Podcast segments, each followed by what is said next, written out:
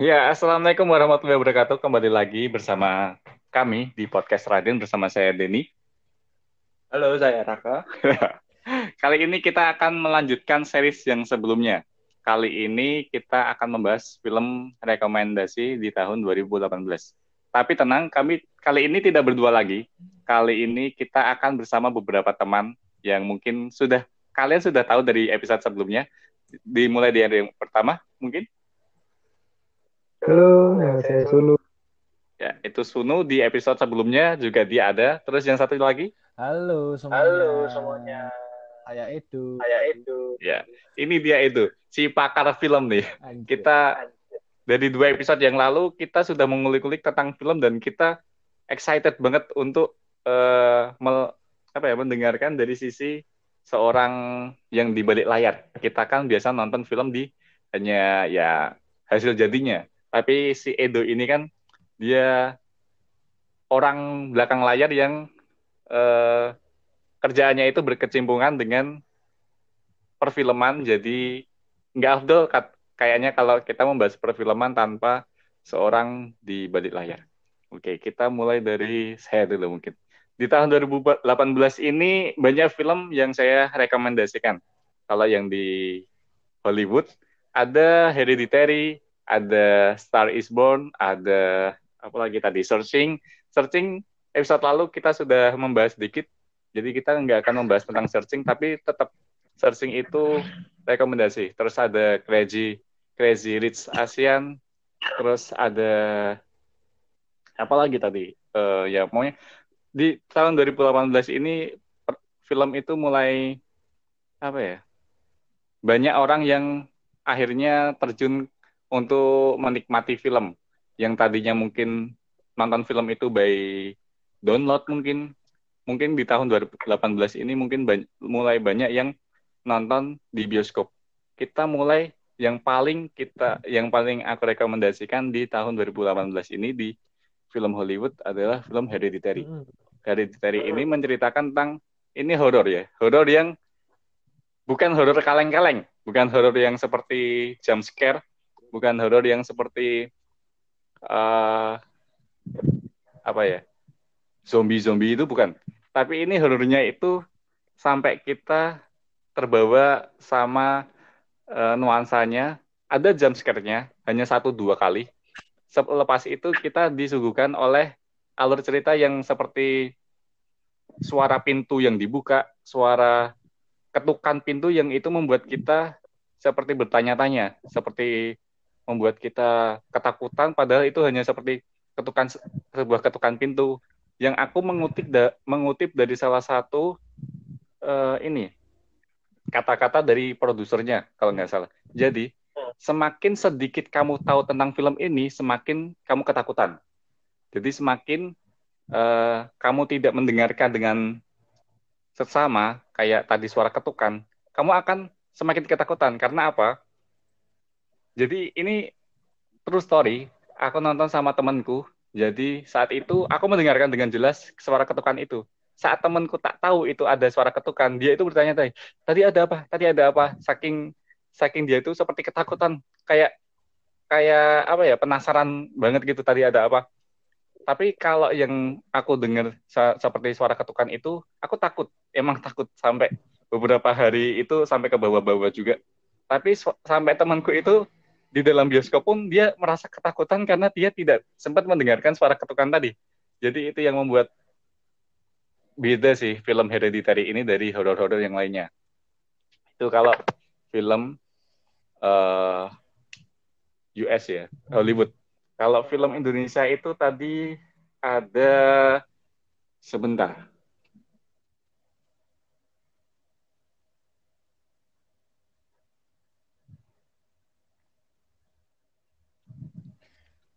Ada film ini horor lagi, Susana beranak dalam kubur.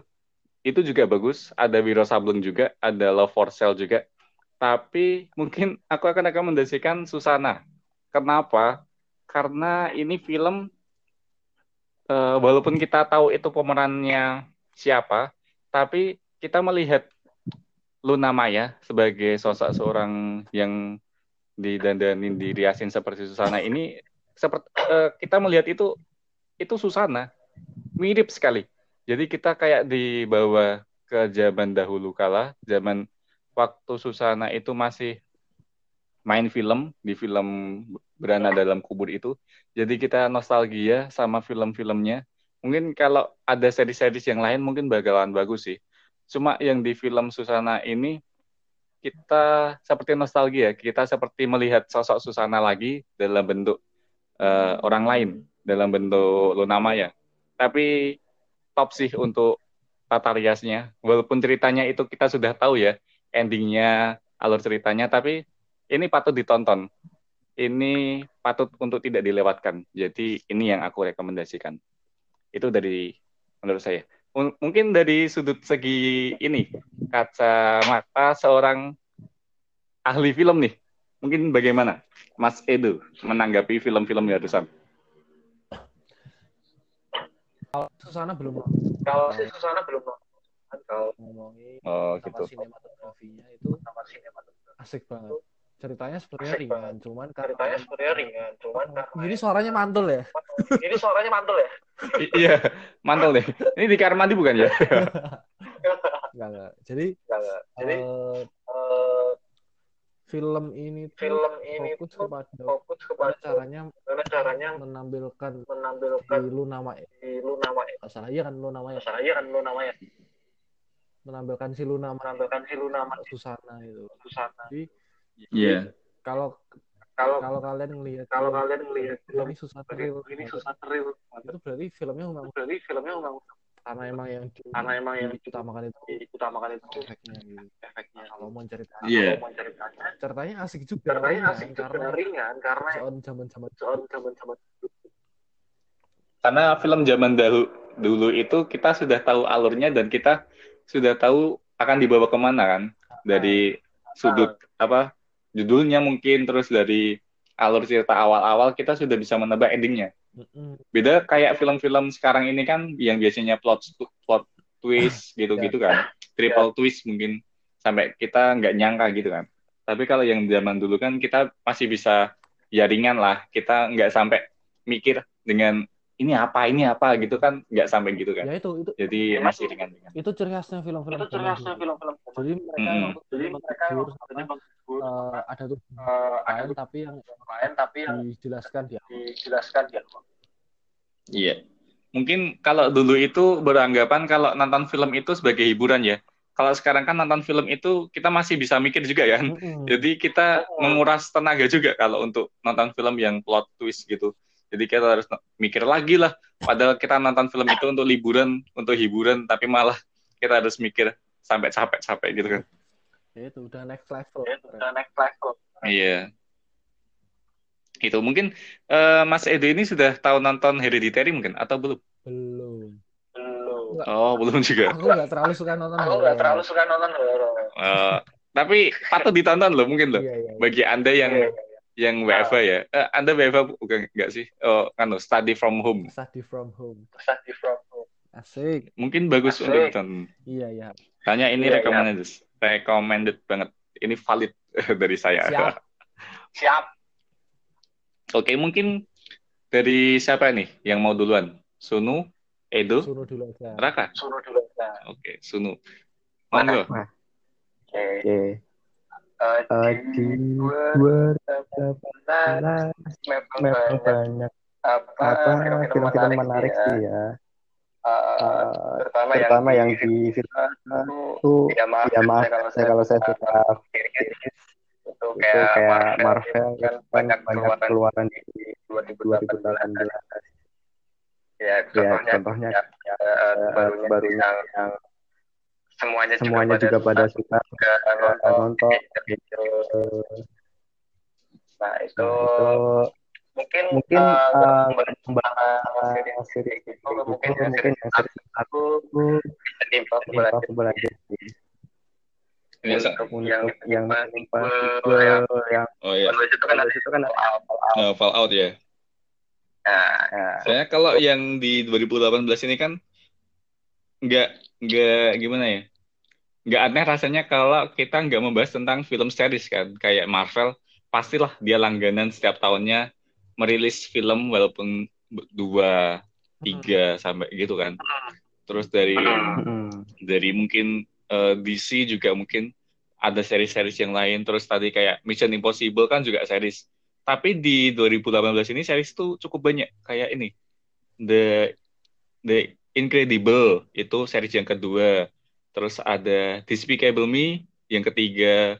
Terus apa lagi ya? Deadpool. Uh, Deadpool yang kedua juga ada. Kan banyak seri-seri ya kalau nggak membahas tentang series itu di setiap tahunnya nggak lengkap ya. Tapi Iya, kalau series Ya, itu kan ya maraton sih. Kita harus nonton dari awal. Kalau belum sih kita nggak akan sampai dengan apa yang terjadi saat itu. Gitu ya ya ya contohnya, ya contohnya ini, ini ya, ya yang mau saya bahas saya ini di di Impossible itu itu sebetulnya, sebetulnya saya nonton itu itu dari pertama dari pertama Mm. jadi jadi uh, uh, sebelum, sebelum yang yang baru baru pertama, non- pertama kali nonton nonton Mission Impossible habis itu habis itu tertarik sama project baru mulai dari baru mulai dari awal sampai sampai sekarang apa sekarang yang apa yang di, di di terakhir 2018 yang jadi, jadi uh, uh, mungkin buat mungkin buat yang belum yang belum pernah pernah ya, terutama ya, yang terutama film yang film-film series, mungkin mungkin bisa ditonton ditonton dulu dulu kalau akan akan mau mau menghilangkan rasa penasaran ada baiknya ada baiknya dulu mungkin harus nonton dari awal dulu ya. Dari baiknya baiknya Heeh.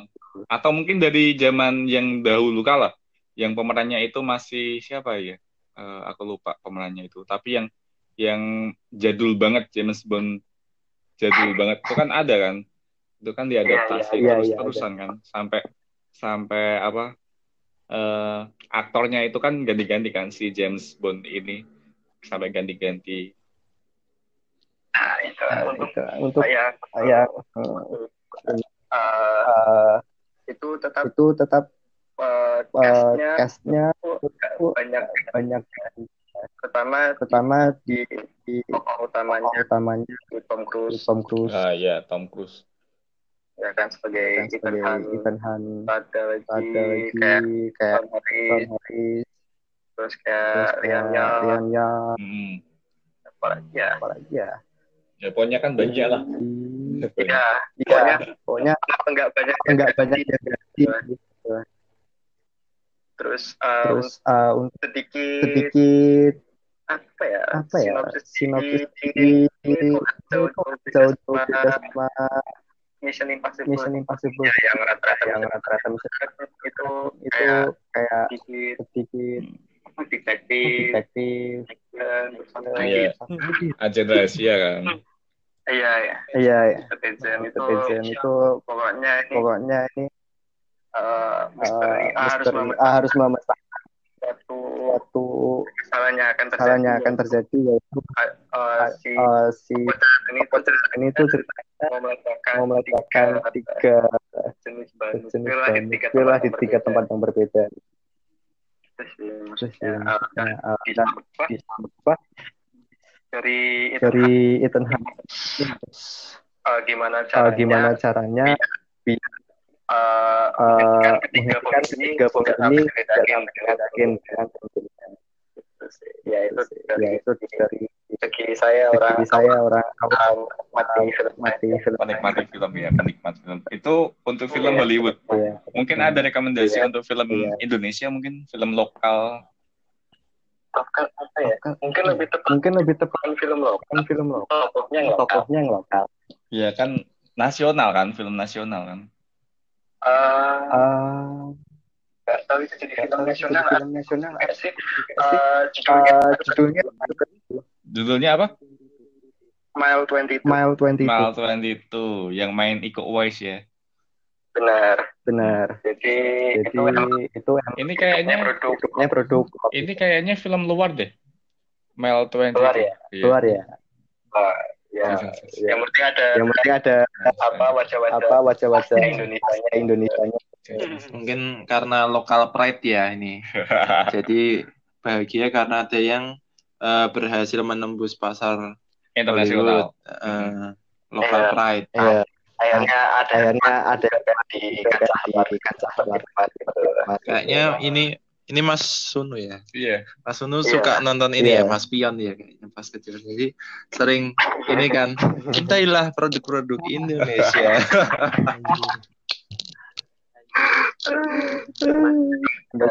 kan Bagus ya itu ya itu walaupun bukan walaupun bukan ya, ya, tapi ada tapi ada di situ yang itu emang yang emang Indonesia. apa ya yang apa ya yang tak idolain dia idolain emang dia emang dari Indonesia. Jadi itu jadi itu uh, uh, itu, itu sebagai sebagai Eko Wise ini Eko Wise sebagai ini sebagai bukan double agent lagi. double agent lagi. Triple agent. Triple agent. Ah. jadi triple jadi agent triple itu, agent itu kalau yang belum tahu kalau yang belum tahu itu kan kayak kan kayak uh, kamu uh, bekerja di satu di di satu mana di mana menyusup uh, di uh, di lain saat lain organisasi saat itu organisasi itu yang yang apa ya ya yang mengir itu bagiannya dari itu mereka bagiannya dari mereka gitu. Tapi kayaknya di film ini Iko Uwais jadi antagonis ya.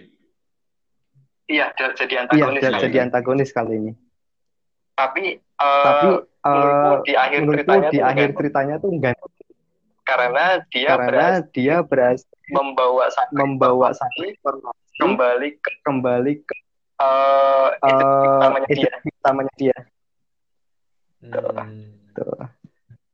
jadi uh, jadi dia eh, kalau dia kalau kalau rating kalau rating ya ya cuman sih ya cuman sih ya cuman masih tetap masih tetap kita rekomend kalau menurutku rekomend kalau menurutku oke. Tetap diterima sih karena kan eh, dalam artian ini kan emang pribadi ya, punya kesan masing-masing.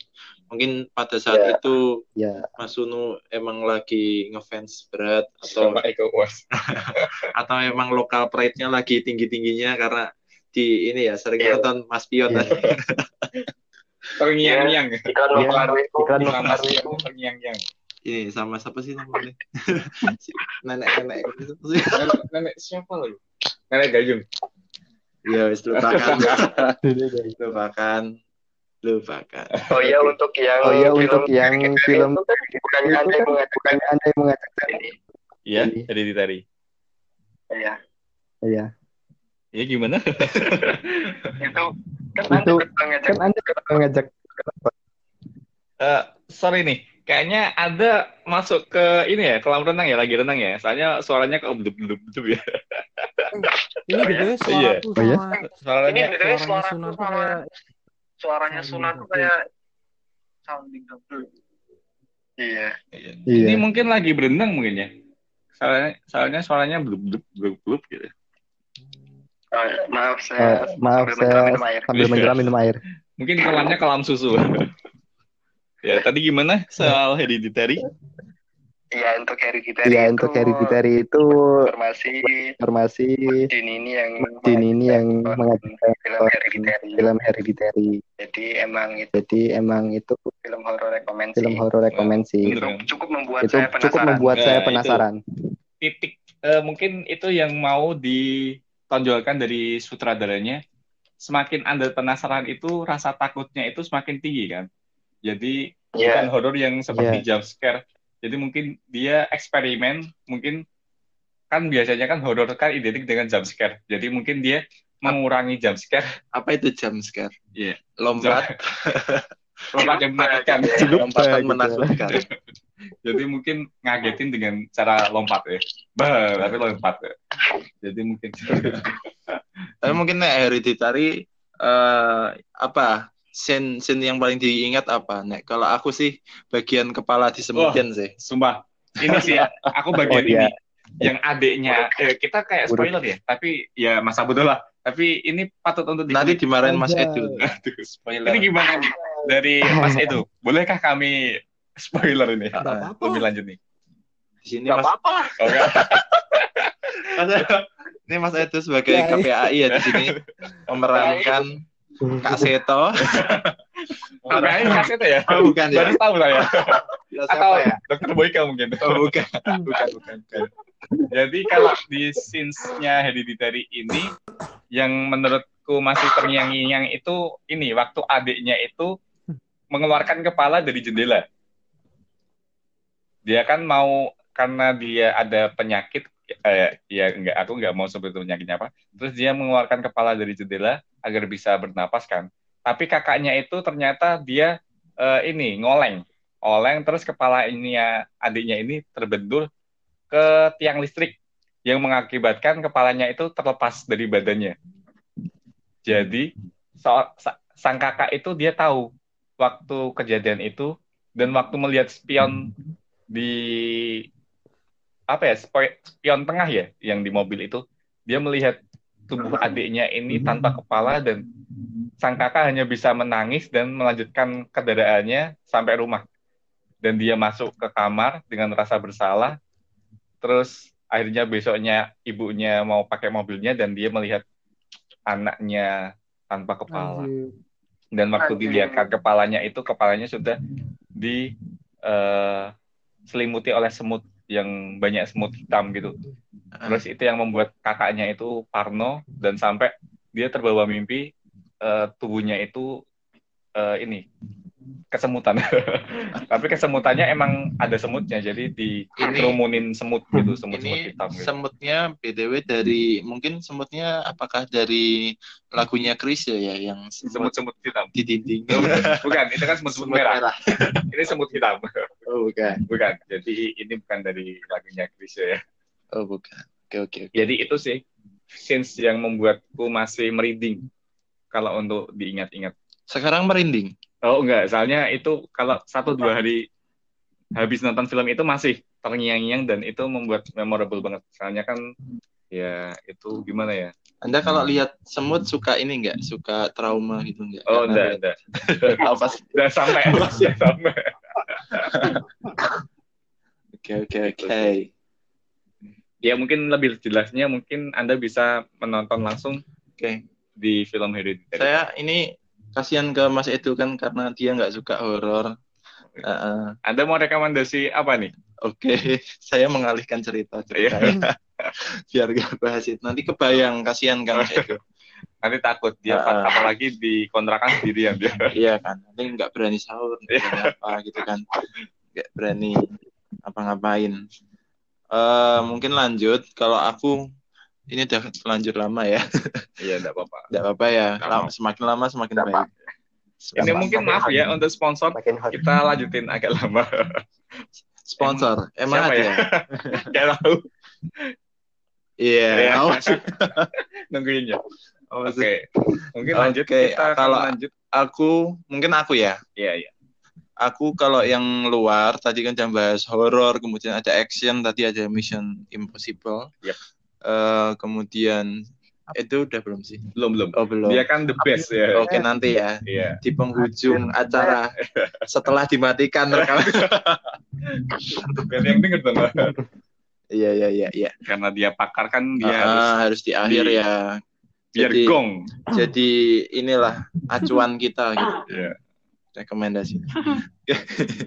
Kalau dari aku sih luarnya eh, beda genre. Kalau aku merekomendasikan A Star Is Born. Iya, Star is Born. Saya saya fansnya Lady Gaga dan Bradley Cooper di sini. Cooper atau Cooper? Cooper.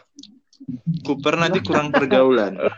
Cooper itu malah kayak ini, perunggu. Eh. Cooper. Cooper itu kan perunggu. eh. Iya, perunggu kan. Cooper. Cooper itu mobil. Mas. aja. Mobil. Iyain Oh ya, mini ceper itu. Ah, itu mobil ya, tolong. Jadi eh, saya ngefans sama Mbak Lady, Mbak Lady Gaga, Diana. Lady Diana. Mbak Lady Gaga dan Mas Bradley Cooper ya berarti. Kita kita sepakat Cooper aja ya, Cooper. biar kurang Kalau pergaulan. Tapi kalau Chopper itu kayak ini, nakamanya One Piece. One Piece. heeh. Oke, nanti nanti dia berubah jadi besar gitu. ya. Oke, takut. Oke, oke, oke. Kenapa saya eh, milih rekomendasikan ini biar eh, saya suka sih soul sama eh, intinya apa ya?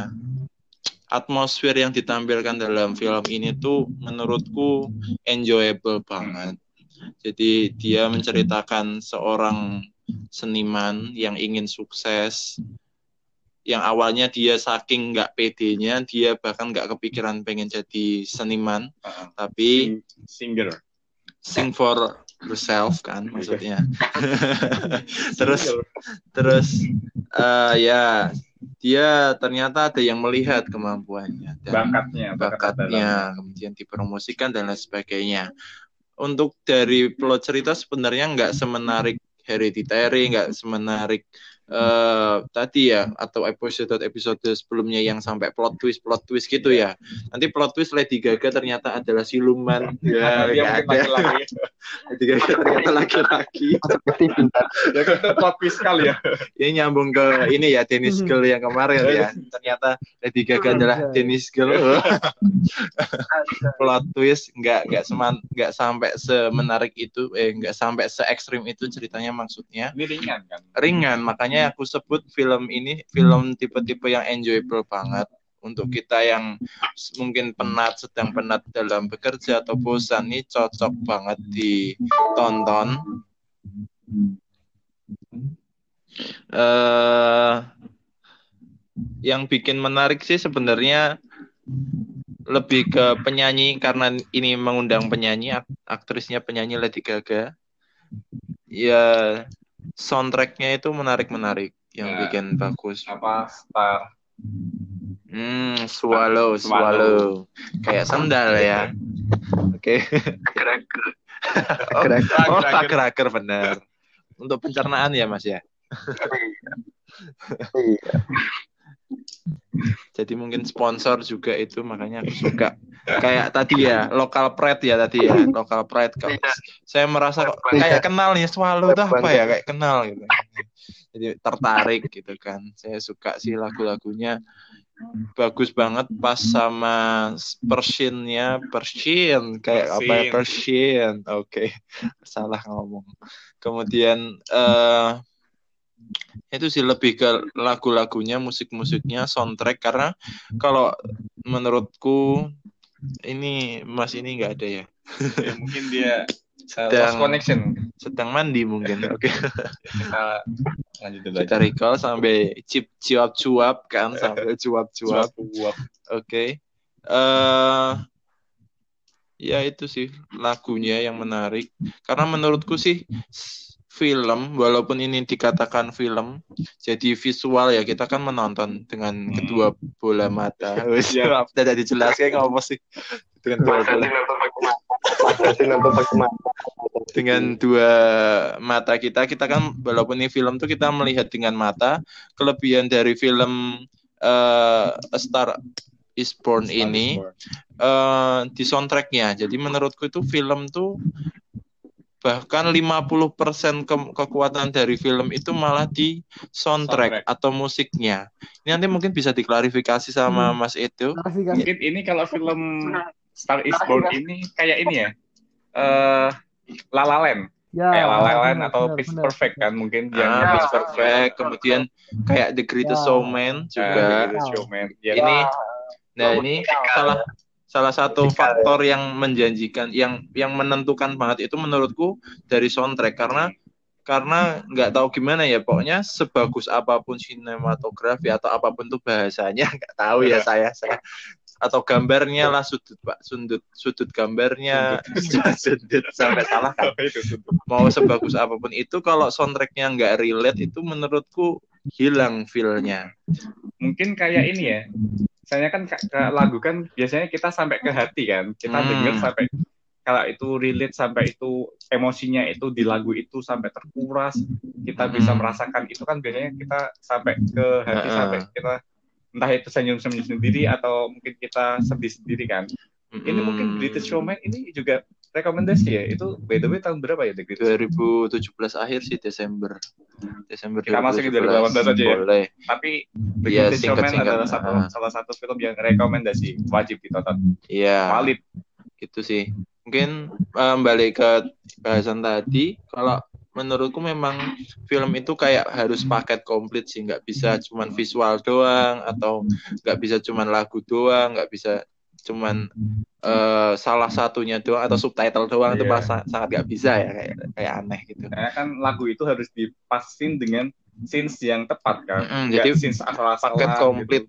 Kayak makanya eh, kayak kita itu di saat menonton film tuh kan kita kayak dirangsang semua indera kita kan kayak Iya. eh, mulai dari mata, Mata. penglihatan, kemudian telinga, kemudian kalau kalau melihat eh, melihatnya itu di apa sih namanya sinemak ya? Sinemak atau eh, pokoknya ada satu tipe bioskop itu yang juga lebih komplit. Dia itu sampai ke penciuman juga sampai ke getaran-getaran kursi juga. Jadi 4DX ada yang 4DX juga kemudian ada hembusan angin juga. Jadi kayak perasaannya se- semua inderanya dirangsang semua.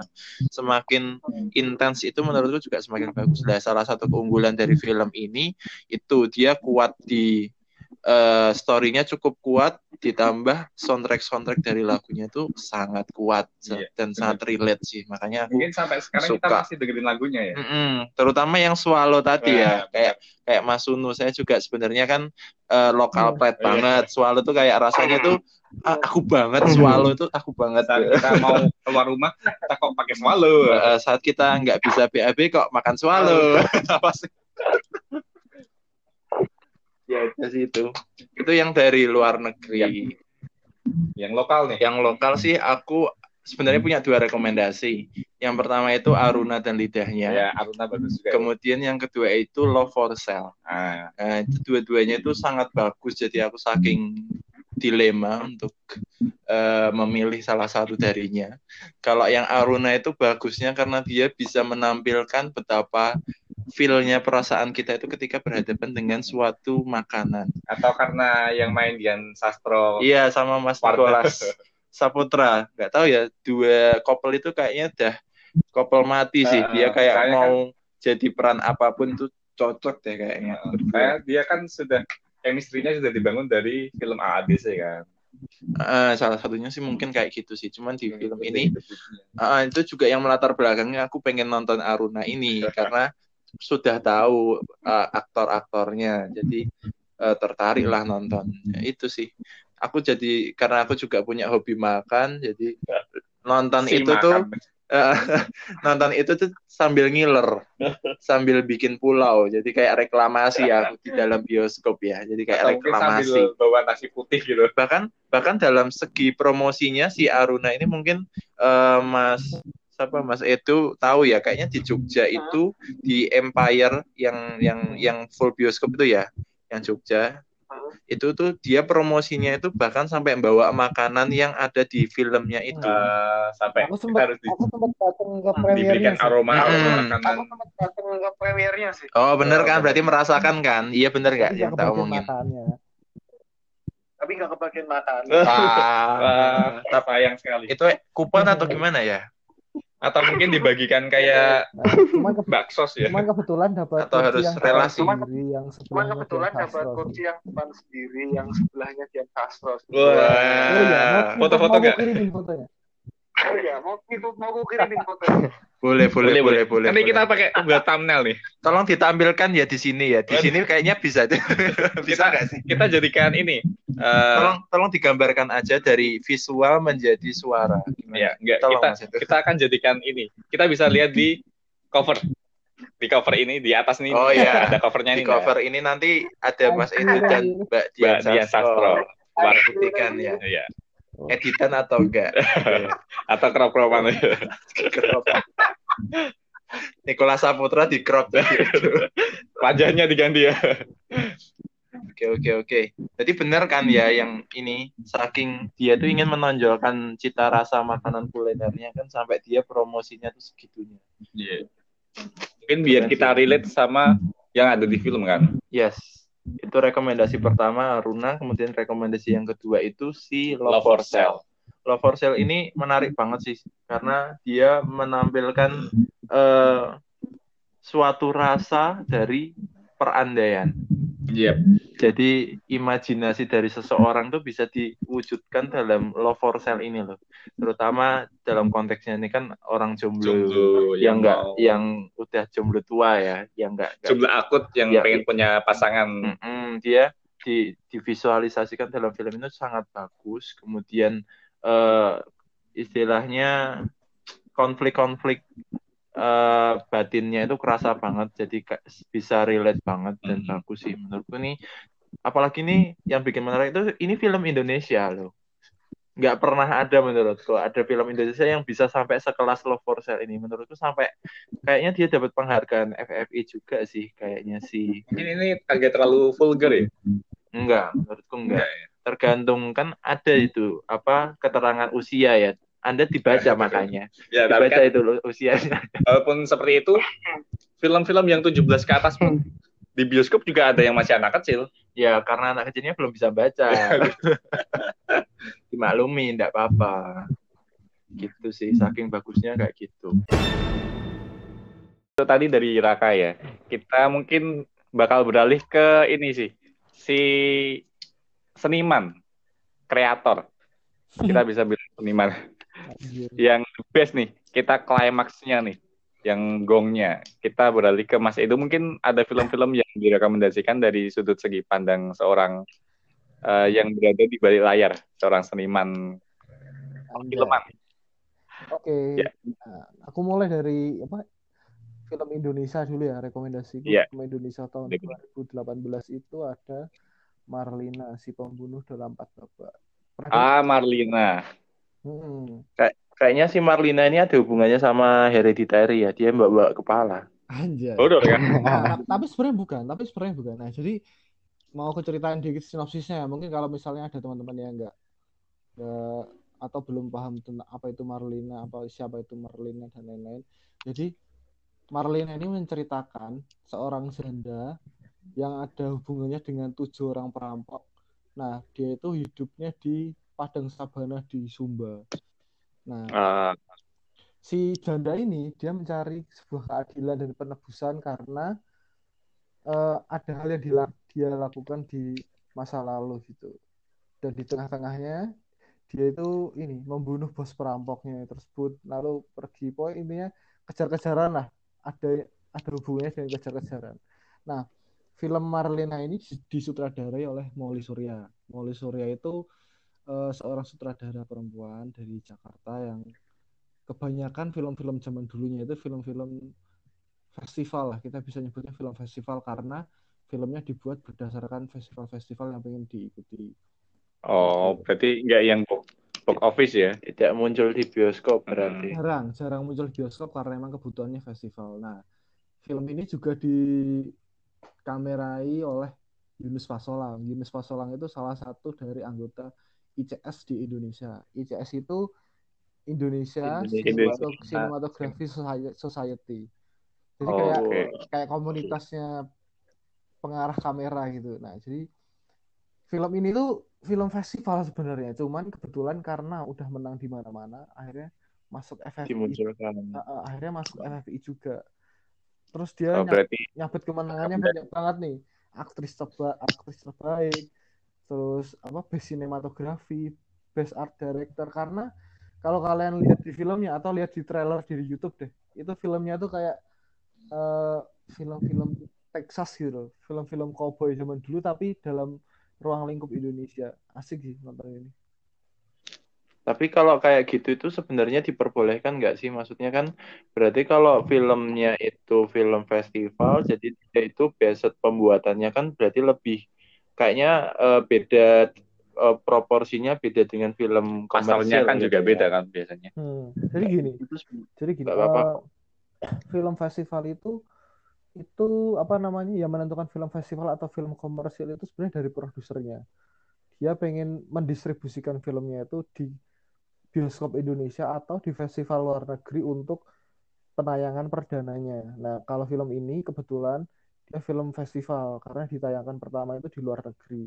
Tapi karena di, tapi karena di luar negeri itu udah menang beberapa kali, akhirnya dilirik oleh FFI ini. Akhirnya sama FFI dimasukin dalam nominasinya. Nah, kemudian produsernya ada komunikasi sama kayak apa orang-orang dalamnya si yang ngatur bioskop di Indonesia lah. Akhirnya bisa ditayangkan dengan layar terbatas. Gitu. Oh yang ya syaratnya mungkin yang penting tetap ditayangkan di bioskop Indonesia itu udah bisa masuk ke nominasi FFI gitu ya mungkin ya. Nggak juga, nggak juga. Jadi kamu bisa masuk FFI nih, asalkan filmmu memang layak.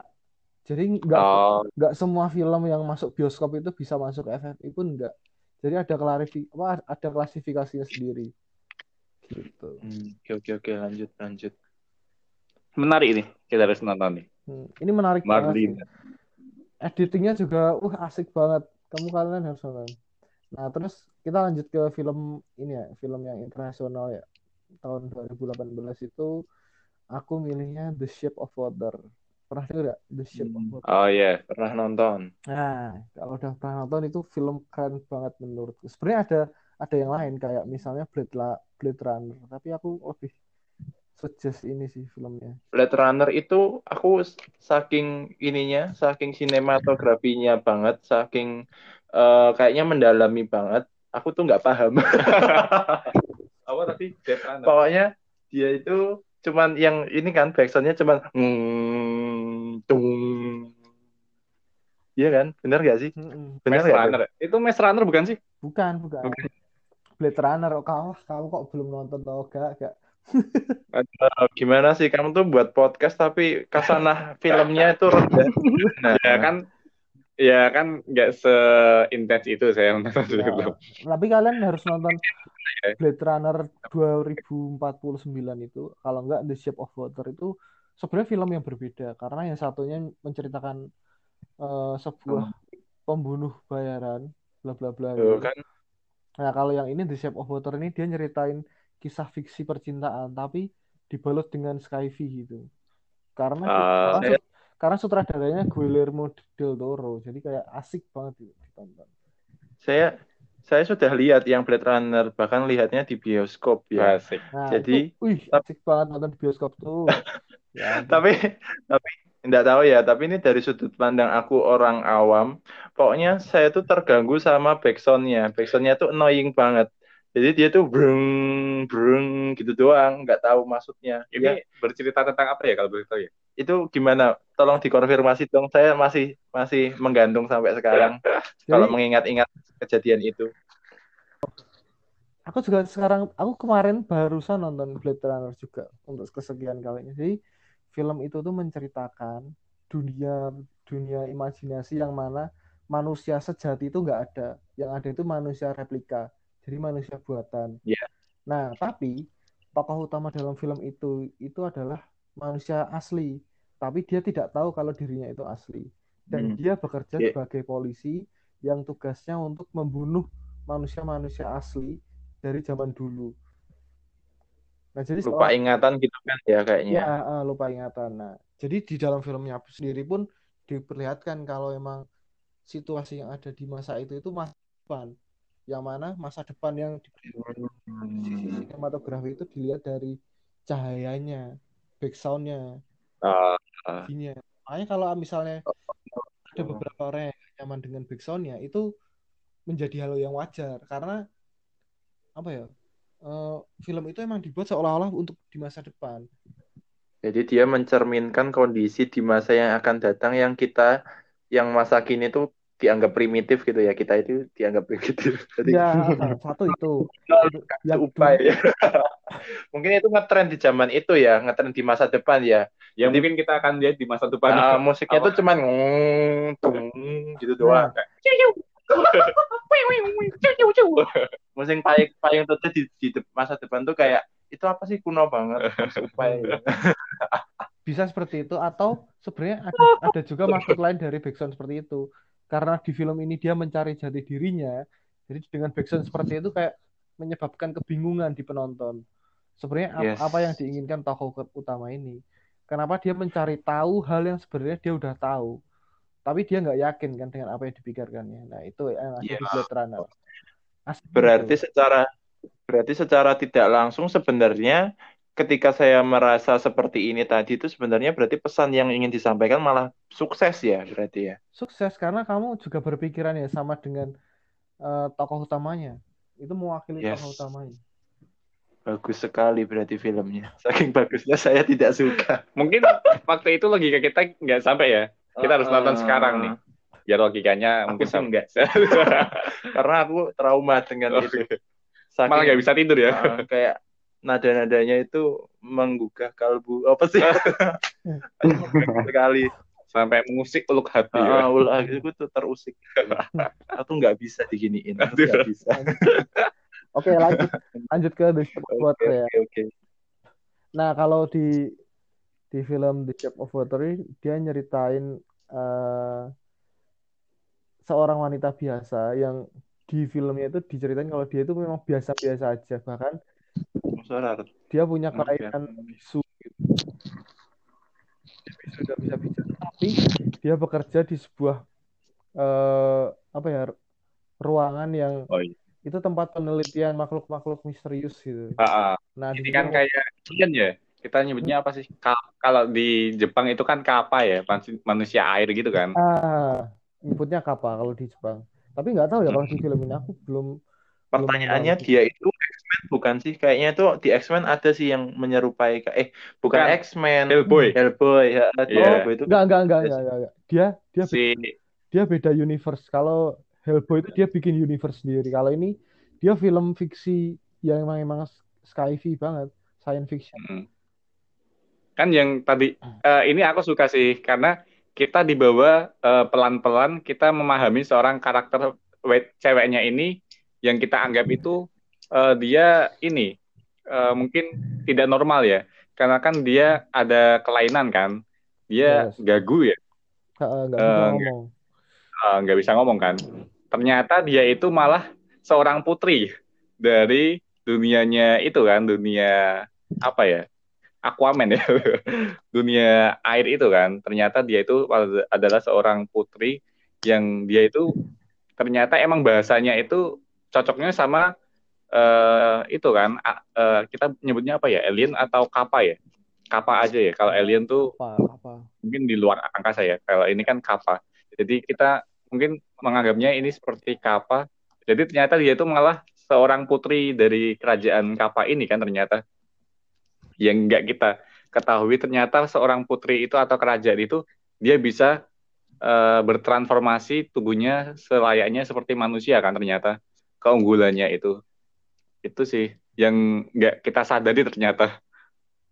Kalau aku nangkepnya malah kebalikannya, Kak. Jadi kayak ya dia ini emang manusia, cuman karena dia merasa dekat dengan si kapalnya ini, di akhir ceritanya karena eh, dia kan ini nyuri obat-obatan terlarang dari penelitiannya, terus akhirnya karena percintaannya ini, dia akhirnya memutuskan untuk jatuh ke laut bersama bersama si kapalnya ini, terus entah itu udah minum obatnya atau apa, akhirnya dia perlahan berubah kan setelah dicium.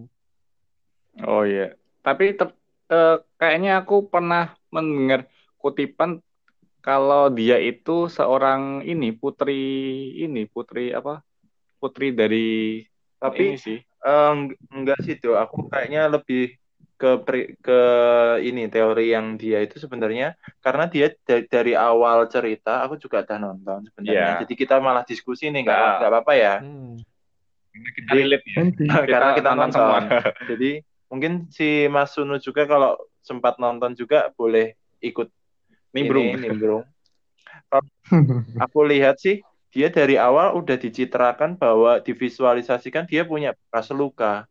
Jadi bekas bahkan bekas luka itu yang nantinya akan berubah menjadi insang itu kan. Ah. Jadi jadi itu udah mainnya dia itu udah itu kepemilikannya dari Mm-mm. dia gitu. Yang awalnya kita kira itu hanya luka goresan Mm, kan. ternyata itu Hmm. punya fungsi lain Ah, gitu. ternyata Malah itu insang. jadi aku malah menangkapnya dia itu mencari jati diri di sini. Ketika dia bertemu dengan si aktor yang la- laki-lakinya ini, yang jantannya ini, dia mulai Ah.